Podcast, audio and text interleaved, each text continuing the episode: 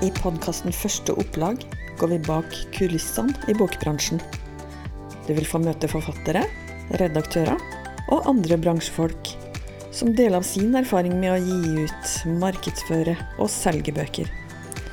Mitt navn er Kristin Overein, og jeg er gründer av Bowlbooks. Vi hjelper forfattere med å gi ut bok på eget forlag.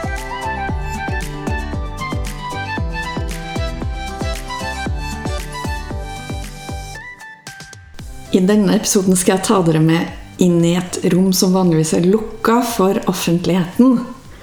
Og det er det lille, intime, hemmelige rommet hvor redaktøren og forfatteren møtes idet forfatteren får den første tilbakemeldinga på manuset sitt.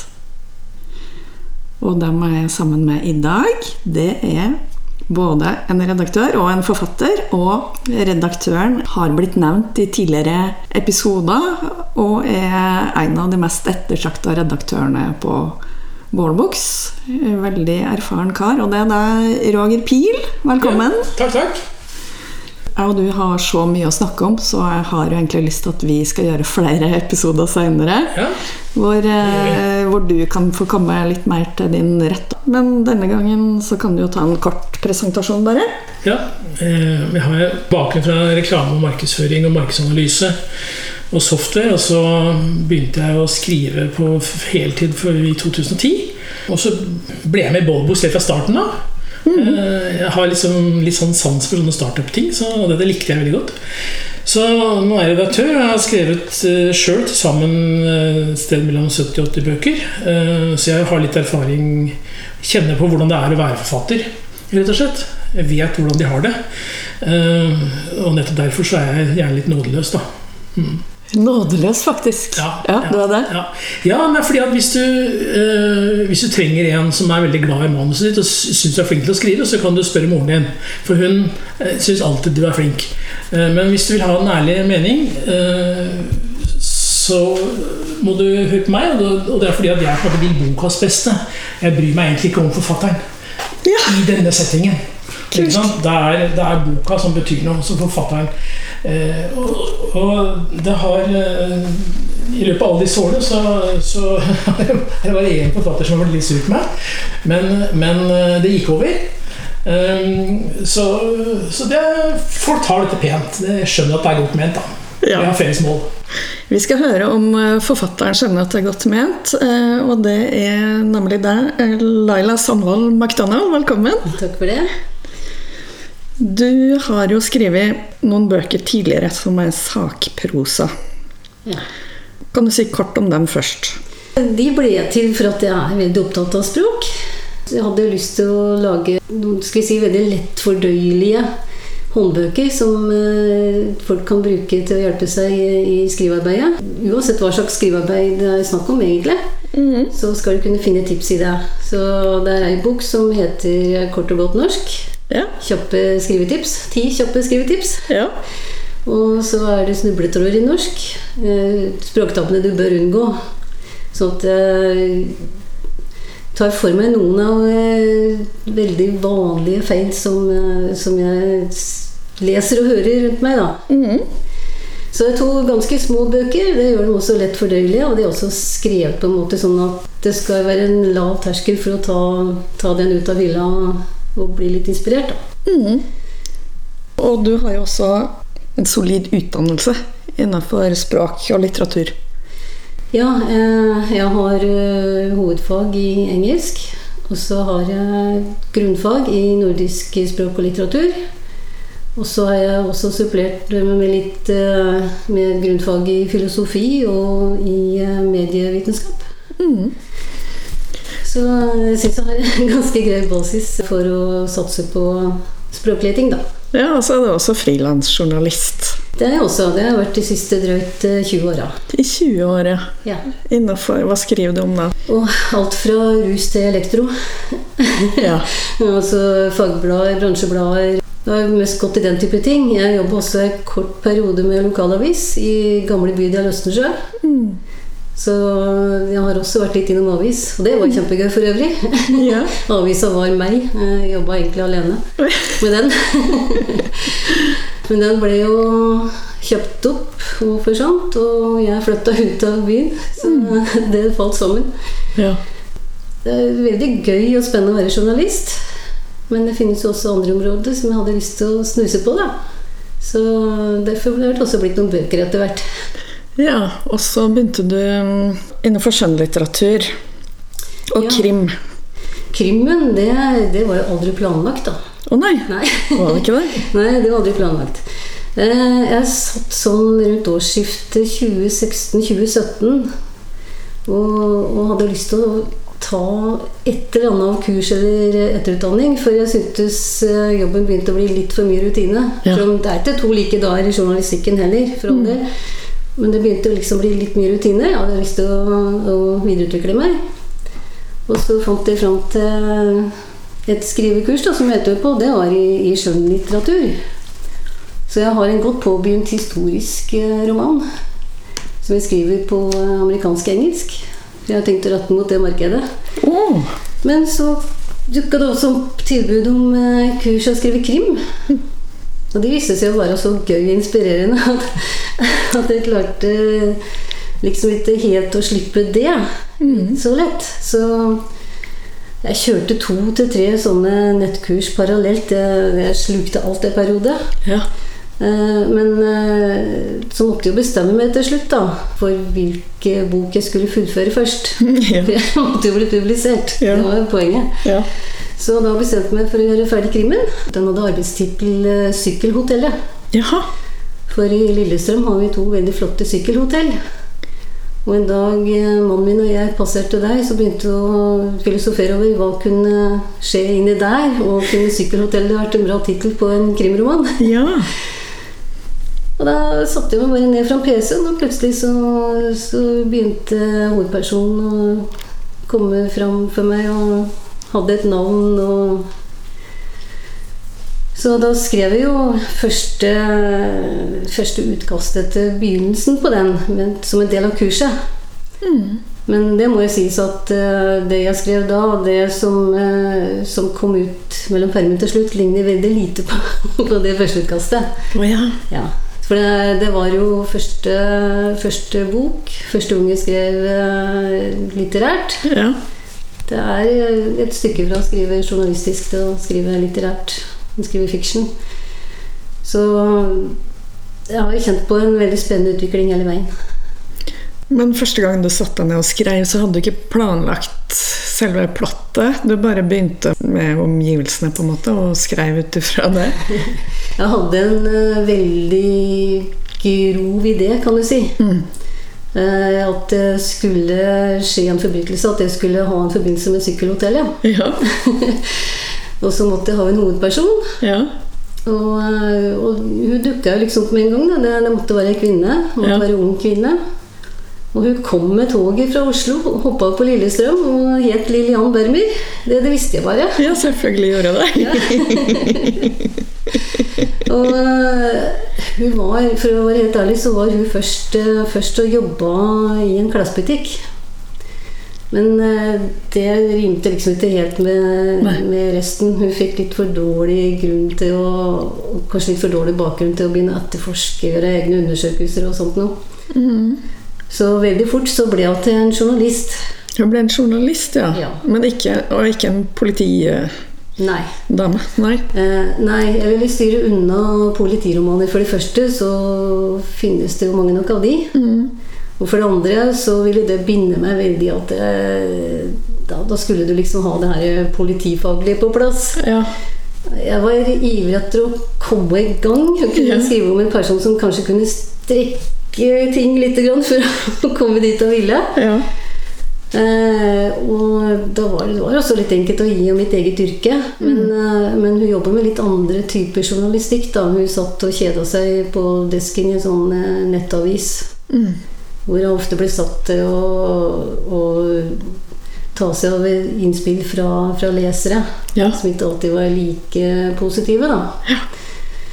Og så hadde jeg en mellomleder der, da, som, som kanskje ikke kom så veldig godt overens med. så jeg var litt frustrert journalist også. ja.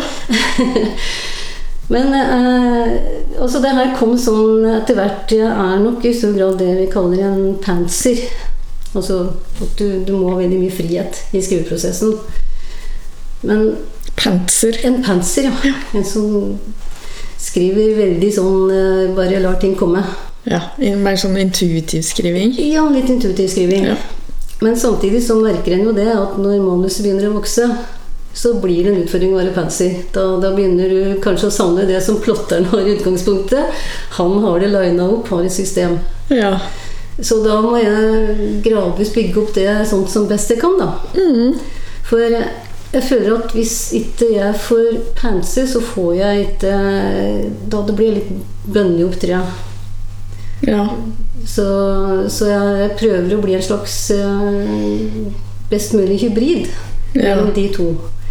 ja, du må ikke ha det for strukturert. Du må ha, ha den kreativiteten. Ja, jeg Ja. må få slappe fantasien litt løs. Eh, Så jeg jobber antagelig litt mer tungvint enn en plotter gjør, for plotteren har alt klart før jeg begynner å skrive. Mens eh, jeg har en idé som, som modnes mens jeg skriver. Og Mange sånne tenkestunder hvor jeg sitter og ser ut i lufta og får ideer. Gjerne på kaffebarer, når det er mulig. Så jeg har jo plukka opp noen persontyper og bevegelser og, og ord og uttrykk når jeg setter på kaffebar, da. Ja, Som jeg har brukt. Så det, det er noe jeg jobber med. Før jeg ser at eh, kanskje trenger jeg å bli gradvis litt mer plotter også. Mm. Men samtidig tror jeg aldri at jeg vil slappe løs på panseren, for da, da kan jeg slippe fantasien og kreativiteten litt mer løs. Mm. Så, men hvis jeg hadde satt meg ned med, med et ark eller PC-en den dagen og tenkt nå skal jeg ha en hovedperson, hva skal den hete? Så hadde jeg bare blitt sittende der og glo. ja. Det, Det måtte og da bare jeg låst. Ja, ja. Så jeg må liksom, jeg må i hvert fall stikke hull på historien. ja. Og så begynne å føle på at nå, nå må jeg ha litt system. Mm. Og da du skjønte at du måtte ha et system og mer struktur, var det da du fikk eh, kom på tanken at du skulle alliere deg med en redaktør? Nei, eh, det, tanken på redaktør var der, den lå der fra grunnen av. Altså, Jeg har hele veien tenkt sånn at altså, Jeg har jo gledd av å skrive i 20 år allerede. Eh, Så jeg har kanskje litt mer distansert og profesjonelt forhold til det å skrive enn mange som går med en forfatterdrøm. Mm. Som, som kanskje er litt mer sånn rosa i kanta enn den jeg har. Ja. For meg er det et mål å, å få publisert bøken og, og få publisert eh, godt nok til at jeg forhåpentligvis etter hvert kan leve av det. ja. Og da valgte du å gi det ut sjøl. Da valgte jeg å gi det ut sjøl. Ja. Det gjorde de også med de to fagbøkene som jeg snakka om. Mm. Hvorfor gjorde du det, da? Så det Jeg, var inne og kikka på normalkontrakta. Eh, og så så jeg ikke hvilke vilkår som lå der. Altså normalkontrakter som forlag... Ja, Som forlagene bruker. ja. Ja. Den eh, Jeg syntes den så litt skeiv ut. I, Skeiv, ja. ja. I, i forfatterens disfavør. ja. Eh, jeg tenkte hvis du skal sitte opp med bare 10-15% av inntekta for hver bok som blir solgt, Mm. det føltes nokså skjevt og urettferdig for meg. Og jeg har alltid vært en eh, Jeg har vært opptatt av rettferdighet bestandig. Og også på egne vegne når jeg skal prøve å etablere meg som forfatter. Så, så da eh, bestemte jeg meg fort for at uh, det her skal jeg gjøre på egen hånd. Mm. Det var vel en stund før jeg kjente til Boldbooks. Jeg tror det var før Boldbooks eh, fantes også, den første jeg ga ut. Mm. Det stemmer, det. Boldbooks kom senere. Men uh, Boldbooks dukka jo opp uh, litt før, uh, før jeg starta på Skupet, som den første krimen ble hetende.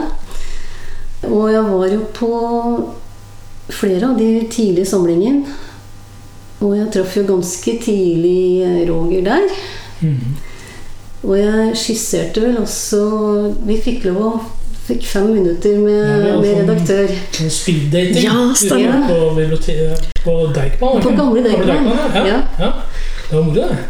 Er veldig sånn, Nå skal du ha noen mening noen kommer med og skal snakke bare fem minutter om manuset sitt, og så skal du prøve å dra ut essensen og ha noen meninger om det. Og jeg var veldig skeptisk til om det ville funke, men det gikk veldig bra. Altså.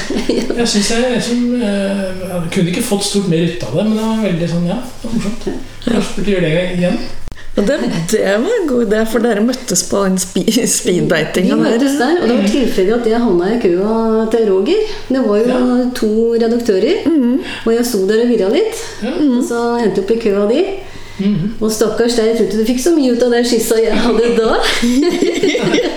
jeg prøvde å beskrive det som da senere ble skuppet. Ja. Men, eh, men du ga meg noen råd med på veien. Og, eh, og sa i hvert fall at eh, det hørtes ut som jeg hadde en idé jeg kunne jobbe videre på. Mhm. Og det var inspirasjon videre. Men altså prosessen med den boka altså jeg var, Som sagt, jeg var aldri i tvil om at jeg skulle bruke redaktør.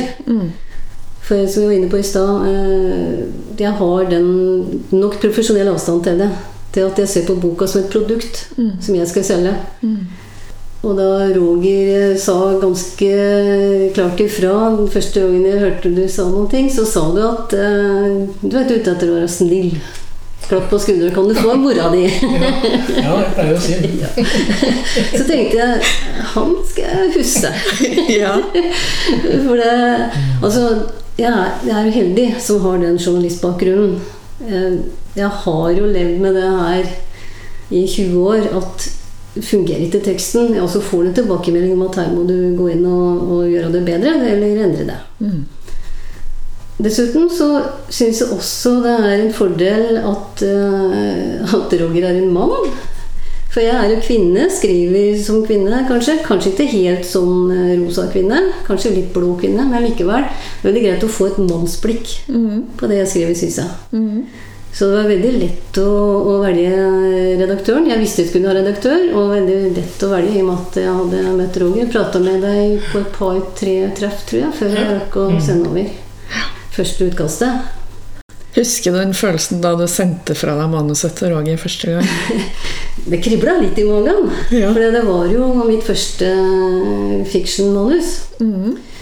Og, eh, og jeg hadde, hadde trøbla litt med det underveis. Altså Jeg satt der i påsken før det og innså at eh, jeg hadde to plott i samme roman. Ja.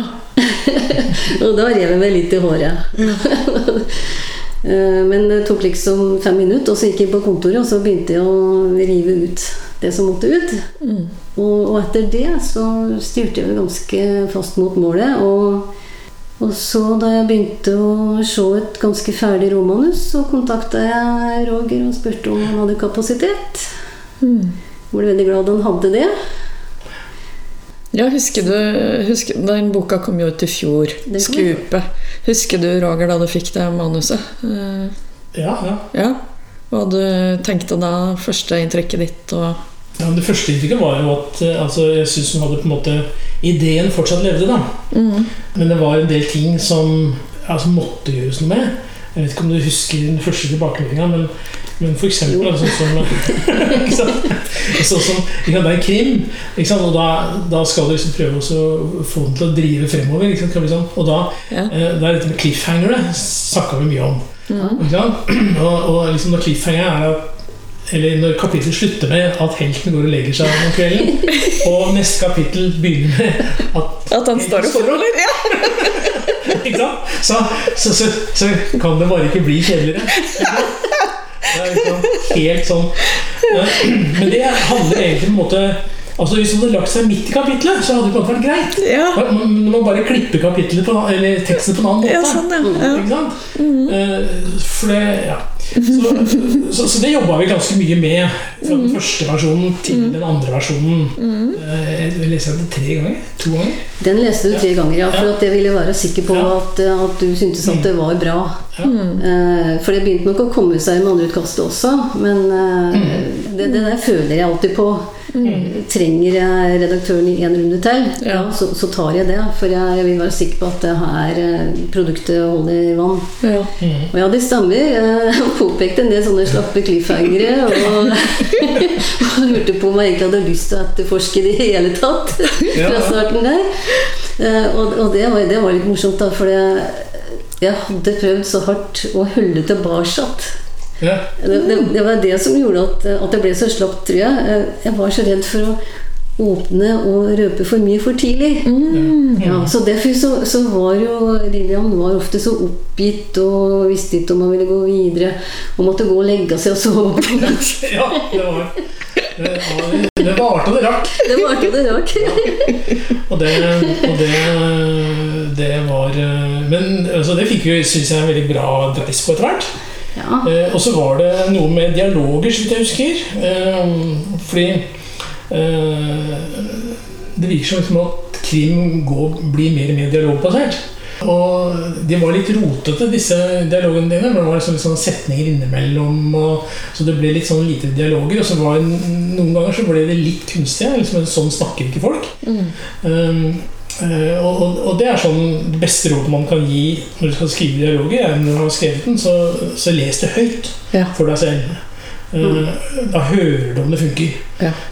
Ville, vil du sagt det på den måten, eller eh, ikke sant? Det er forskjell, for det er mange skriver dialogene veldig skriftlig, men, men de er jo muntlige, så du må finne den balansen der. da. Eh, Så det måtte hun også gå noen runder med, med dialogene sine. Ja, det gjorde det. Husker du Laila, hvordan det var å få tilbake tilbakemeldinga fra redaktøren den gangen? Første gangen. Den første, ja. Jeg var jo skikkelig spent da jeg åpna den. Ja. Eh, og så Jeg husker nøyaktig hva du sa, tror jeg. Eh, du sa at her har du et utkast til noe som kan bli en bra krim. Ok. Ja. Utkast. Oi, da sank hjertet litt. Men så da jeg leste videre, så, så forklarte du jo hva som, eh, som kunne og burde gjøres bedre, hva som måtte endres. eh, Hva som gjorde at det ikke fungerte helt i, da i første runde. Og, og innen jeg var ferdig med å lese det, så, så var jeg veldig fornøyd. Mm. For du sa jo at det her kan bli noe. Mhm. Ja. Var, var han så nådeløs som han påstår? Han sier nådeløs. Altså, han, eh, han er direkte. Direkte og klar, og det satte jeg veldig pris på. Noen av kommentarene er så klare at jeg bare må le høyt. Nei, men det er ikke noe vits i å øh, på en måte gå rundt grøten, da. Nei. Jeg, å, og jeg har jo, jeg har jo uh, skrevet en del bøker selv og kranglet med redaktører. Uh, og, og det jeg syns er liksom håpløst, er når man ikke får et sånt Uh, så dette funker ikke. Nei, så sier jeg fint, det funker ikke. Hva er det som ikke funker? Eller hvorfor funker det ikke? Nei, det er noen greier jeg skjønner. Og da, det, sånne svar er helt ubrukelige. Så jeg, man må prøve å forklare litt nøyaktig hva, hva feilen er, da. Ikke sant? Mm.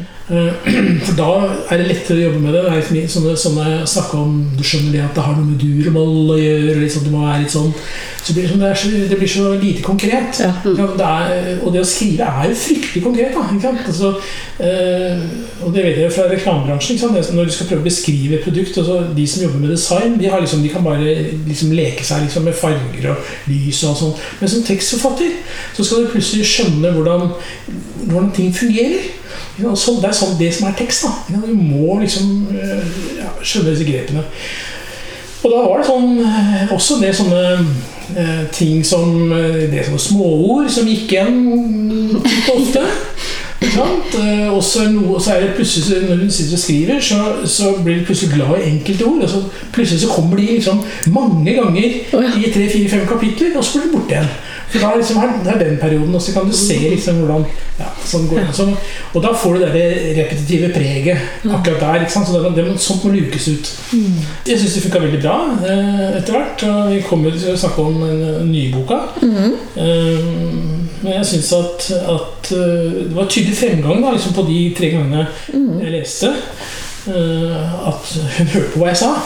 Ja. Absolutt. Ja, og jeg kan, men av og til så jeg får jeg sånn Jøss, de hører på meg! Det er sånn, det er, sånn er, er det trygt? Og jeg har møtt, eh, møtt en gang en som sa at jeg gjorde sånn som du sa, Roger, og det funka så bra! Og da tenkte jeg faen, må ikke høre på meg! Jeg, blir litt sånn, jeg kjenner ansvaret, da. Det er litt sånn Ja, ja, ja. Ja. Eh, Men, eh, men det er, jeg har jo ikke alltid rett. Men jeg, men jeg liksom jeg prøver, å, prøver å eh, si sånn som jeg opplever det. Prøver å være profesjonell leser. da Ikke? Ikke en Å glemme forfatteren oppi dette. Mm. Bryr meg egentlig ikke om forfatteren blir lei seg. Fordi det er ikke det som er poenget. er jo Det er mye bedre å høre det fra meg enn å trykke boka og så høre det fra leserne. Ja. Ikke sant? Eller en anmelder. Ja, Eller ja. anmelder. Eller en anmelder, ja, ikke sant? Eh, det, vi skal ikke nevne navn. Det var en denne uka, en av de store forlagene som ble altså så grovt slakta av anmelder med stavefeil og alt altså, ikke sant, sånne ting. Og det er håpløst. Den stakkars forfatteren, altså forlaget, gir blaffen i det tilfellet der. Men den stakkars forfatteren som sitter der og ser på en måte hvordan alt dette har svikta, tydeligvis. Det er forferdelig. Så da, Derfor så er det bedre å heller være litt litt tøffere da, i diskusjonene og være litt hardere. eh, Og så prøve å få luka ut. Og så, for det, det handler jo om sak, det handler ikke om person. Ikke sant? Så, så får vi liksom bare bryte meninger. Og så, og så, jeg kan også godt gi meg underveis i diskusjonen så, så lenge argumentet er godt nok. Ikke sant? Det er jo ikke noe problem, det. Og den boka 'Skupet' kom jo ut i fjor, og da gikk du rett på å skrive oppfølgeren, du da? Jeg hadde starta på den. Du hadde starta på den Ja, allerede? for uh, ideen til den den hadde vokst fram og modna seg mens jeg uh, gjorde ferdig skupet. Ja. Så den var påbegynt. Mm. Og uh, Hva heter den? den heter 'Spor i kald jord'. Ja. Den har hatt veldig mange titler underveis som jeg faktisk ikke husker alle av lenger. Men det blir 'Spor i kald jord', og den syns jeg sitter veldig bra. ja. Og det er samme hovedpersonen vi Samme følger. hovedperson. Ja. Ja. Jeg regner med Du hørte sikkert stemmen til Roger litt i bakhodet mens du skrev, og hadde tatt med deg noen tips fra forrige redaktør-tilbakemelding? Ja, jeg hadde stemmen til Roger i bakhuet så til de grader at på et punkt så hadde jeg gått så hardt fram at han ville ha det litt, litt bremsa på. så, nei, men eh, helt klart. Og så Jeg fikk jo veldig mye bra læring gjennom den første. Og eh, Så altså Det er mange forfattere som driver og snakker om den eh, vanskelige bok nummer to. Mm. Jeg syns det var den morsomme bok nummer to å skrive. ja. Ja. Og det er ikke minst for at jeg fikk lagt en så god grunner med den første. Ikke minst gjennom, gjennom samspillet som jeg hadde med deg. Som, eh, som sier så klart og tydelig fra hva som ikke fungerer. Kommer med forslag til hvordan det kan bli bedre. Jeg har ikke et øyeblikk vært fornærma over tilbakemeldingen din, Roger. Det har jeg virkelig ikke. Men det, det tror jeg noen journalister eh, må øve seg i. Altså hvis du er helt blodfersk som skribent og journalist, så, så bør noen forberede deg på at hvis du ikke tåler å få en ærlig tilbakemelding på det du har skrevet, ja. da, da har du et kjempeproblem. Altså du må bare finne ut av det. Få litt tjukkelse på huden din, og, og ikke ta deg sjøl så forbaska høytidelig. For du, du skal bare være den som eh, skaper noe som kan gi folk glede. Men du trenger et team rundt deg for å, å få det produktet ferdig. Og det betyr at du må ha en dyktig redaktør, og du må ha en dyktig designer til å designe eh, omslaget. Og når da Bobbux har personlig som Roger Pil og Linn Tesli, da var det greit å finne det gode teamet, altså. Ja, så bra. Og nå har vi snakka litt om historikken mellom dere to fram til nå. Og nå kommer vi fram til selve rosinen i pølsa, det- som heter på kli- klisjéspråket. eh, Med en rykende fersk tilbakemelding da, som du har fått. Første tilbakemeldingen fra Roger på Spor i kald jord. Ja, Og den fikk du jo her om dagen. det gjorde jeg for noen få dager siden. Ja. Så da du ringte og ba om det intervjuet her, så hadde jeg faktisk eh, ikke gått gjennom det ennå. Jeg hadde skanna gjennom eh, manusrapporten. Og ble jo veldig glad over å lese den. Mm. Kan du si hva du skrev i Ja, sånne ja. grove trekk? Er, eh, nå høres det ut som en helt feilfritt for men altså jeg gjorde 2461 revisjoner i, i manus. Og det er ikke så mye, altså. Bare for å ha sagt det. Nei. Eh, Det er liksom Det er ganske bra, det. Hva mener du med revisjoner? Nei, Det er eh, merknader, Ja. eh, innsetninger og strykninger. ja. Ikke sant? Ja. Ok. Det, det er det. jo. det 2400 og noe? og 61. Ja. Mm. Og 61. Ja, må, må, vi må huske de siste 61. Ikke sant? Eh, og i dette tilfellet så var det mye sletting. For det var, det var en del småord som du på en måte altså, Så, jo og bare, som hele tiden dukker opp. Ja. Eh, og de tilfører ingenting, de er bare fyllstoff.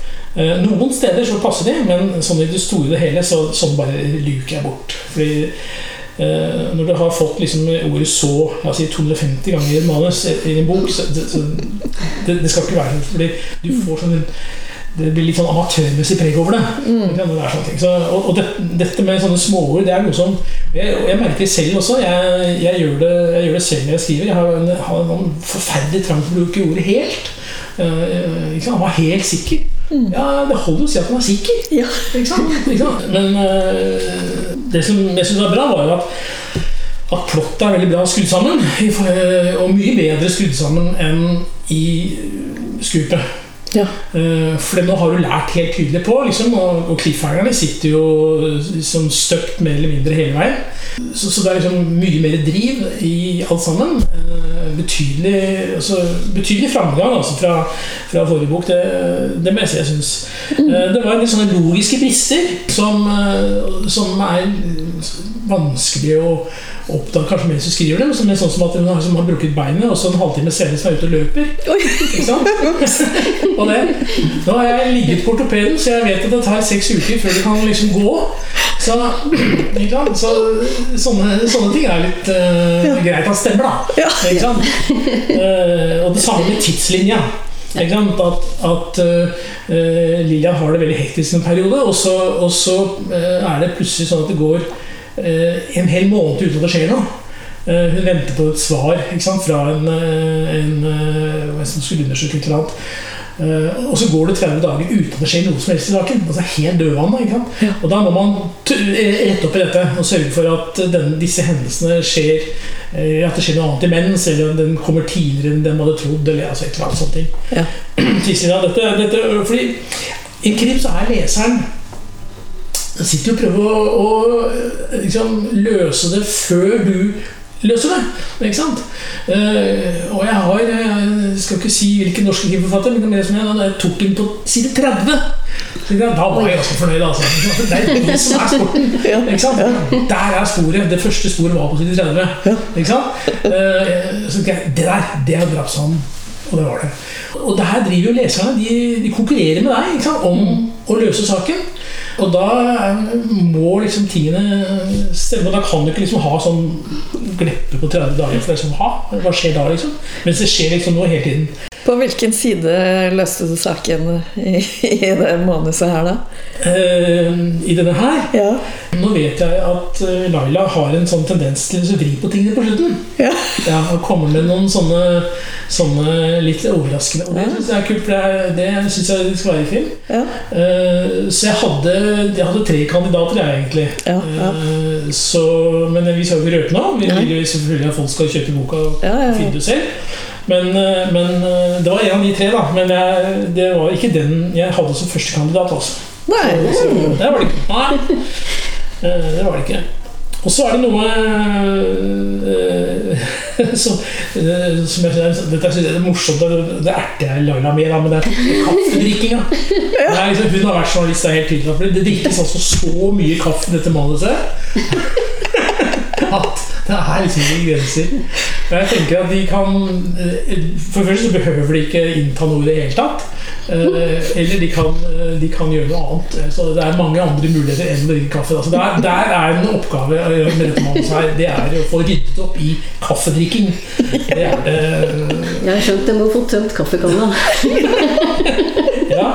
ja, ja. Nei, men altså, det er, det er, det er Jeg tenker at det er som du skriver, og så, og så skriver du mandag, og så skriver du igjen på onsdag, og så har du liksom glemt at du drakk kaffe på mandag, og så skriver du inn kaffedrikking på onsdag, og så, og så bare akkumulerer det seg. Eh, og det så jeg skjønner godt at det foregår, eh, men, men vi må ta det ut igjen. Ja, ja. Rett og slett. Så, eh, sånne ting.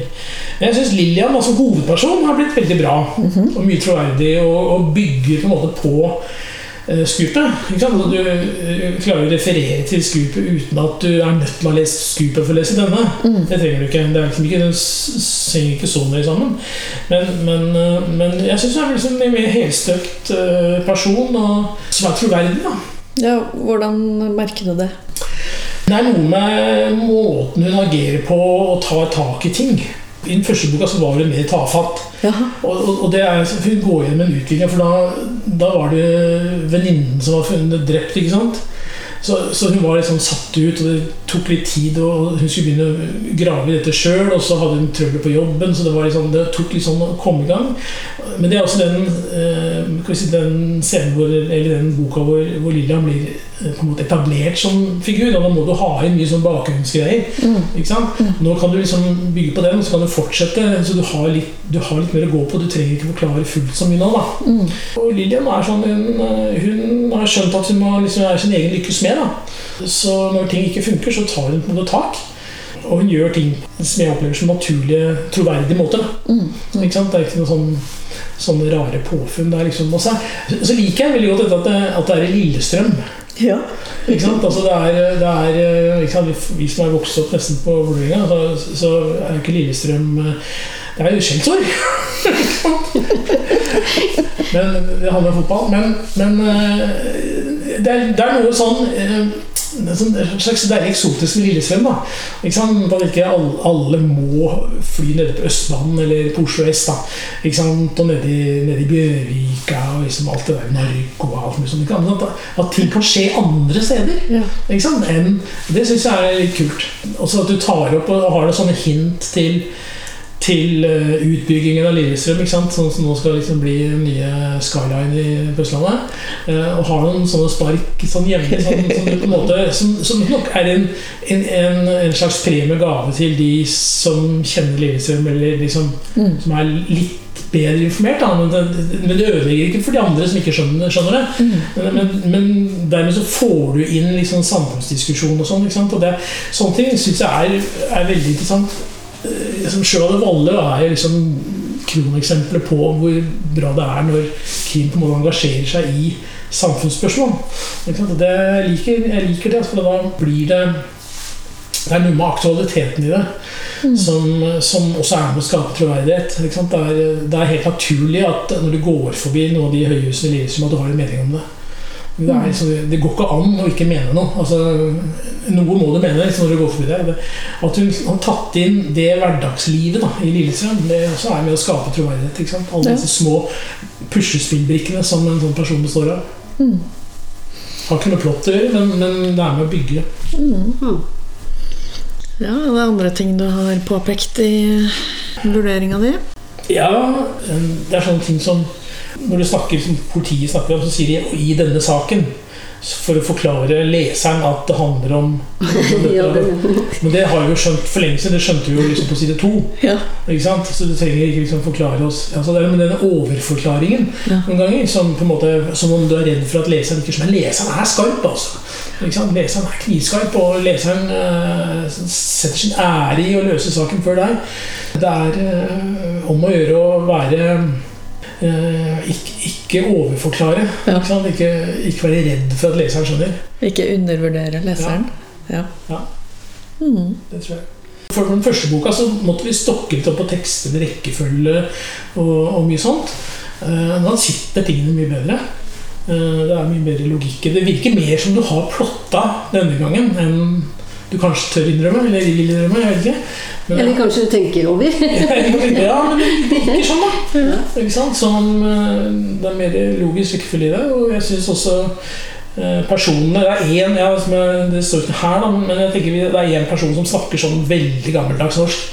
En sånn pensjonist eh, som bor der. Jeg tror ikke det fungerer. altså. Jeg tror liksom at han bør snakke ja, mer normalt. Altså, jeg har liksom trøbbel når folk sier nu og de og dem og sånn. Det er liksom ingen som gjør det lenger. Ja. ja. Det er liksom, så der tenker jeg at han, han er en fin figur. Jeg liker han. Jeg, liksom, jeg tenker litt på, på han naboen til Beck, ikke sant? som Ja. inviterer ham med på en liten stenkare.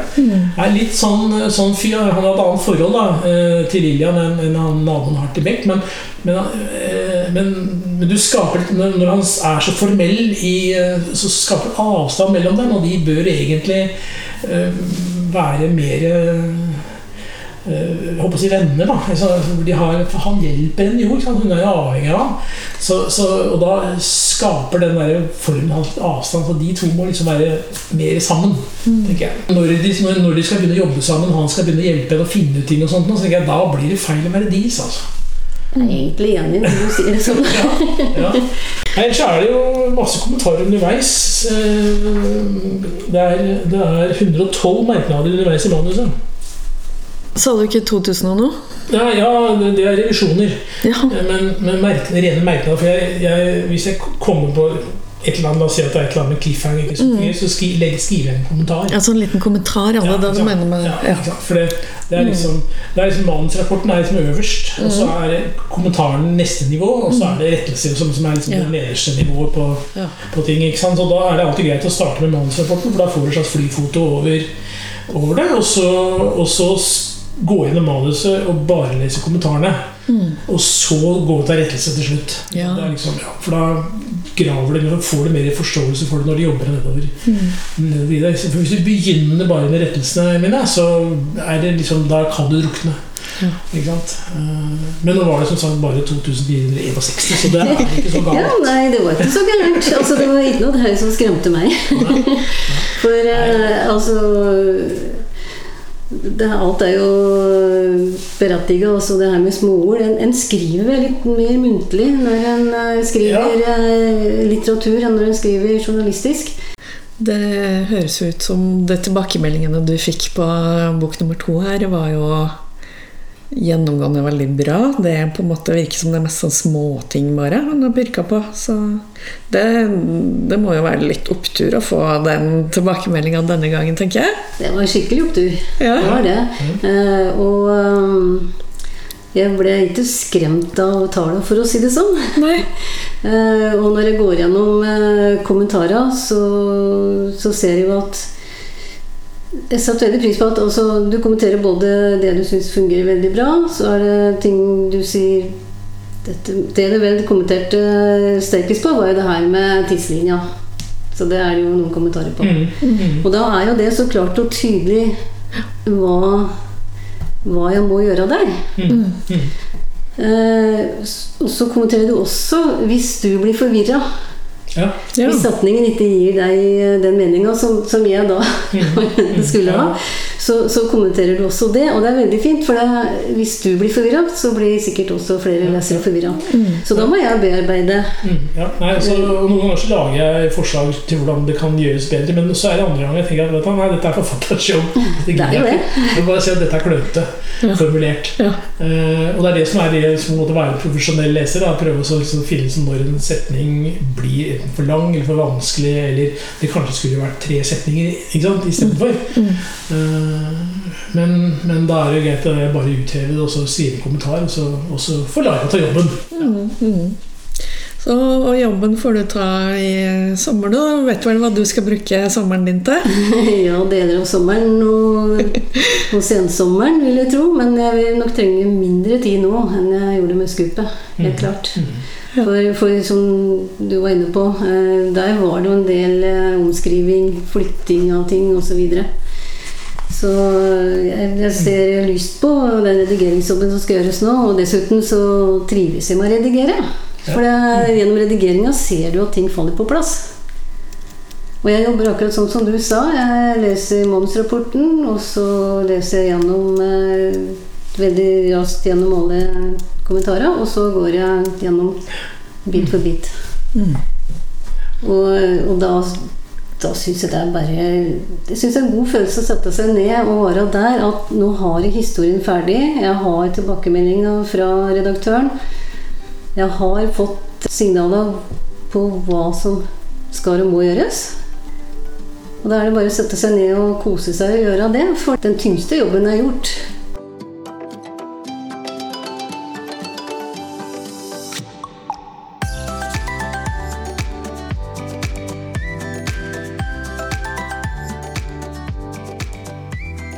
Du har hørt en episode av Første opplag, en podkast produsert av Bowlbooks.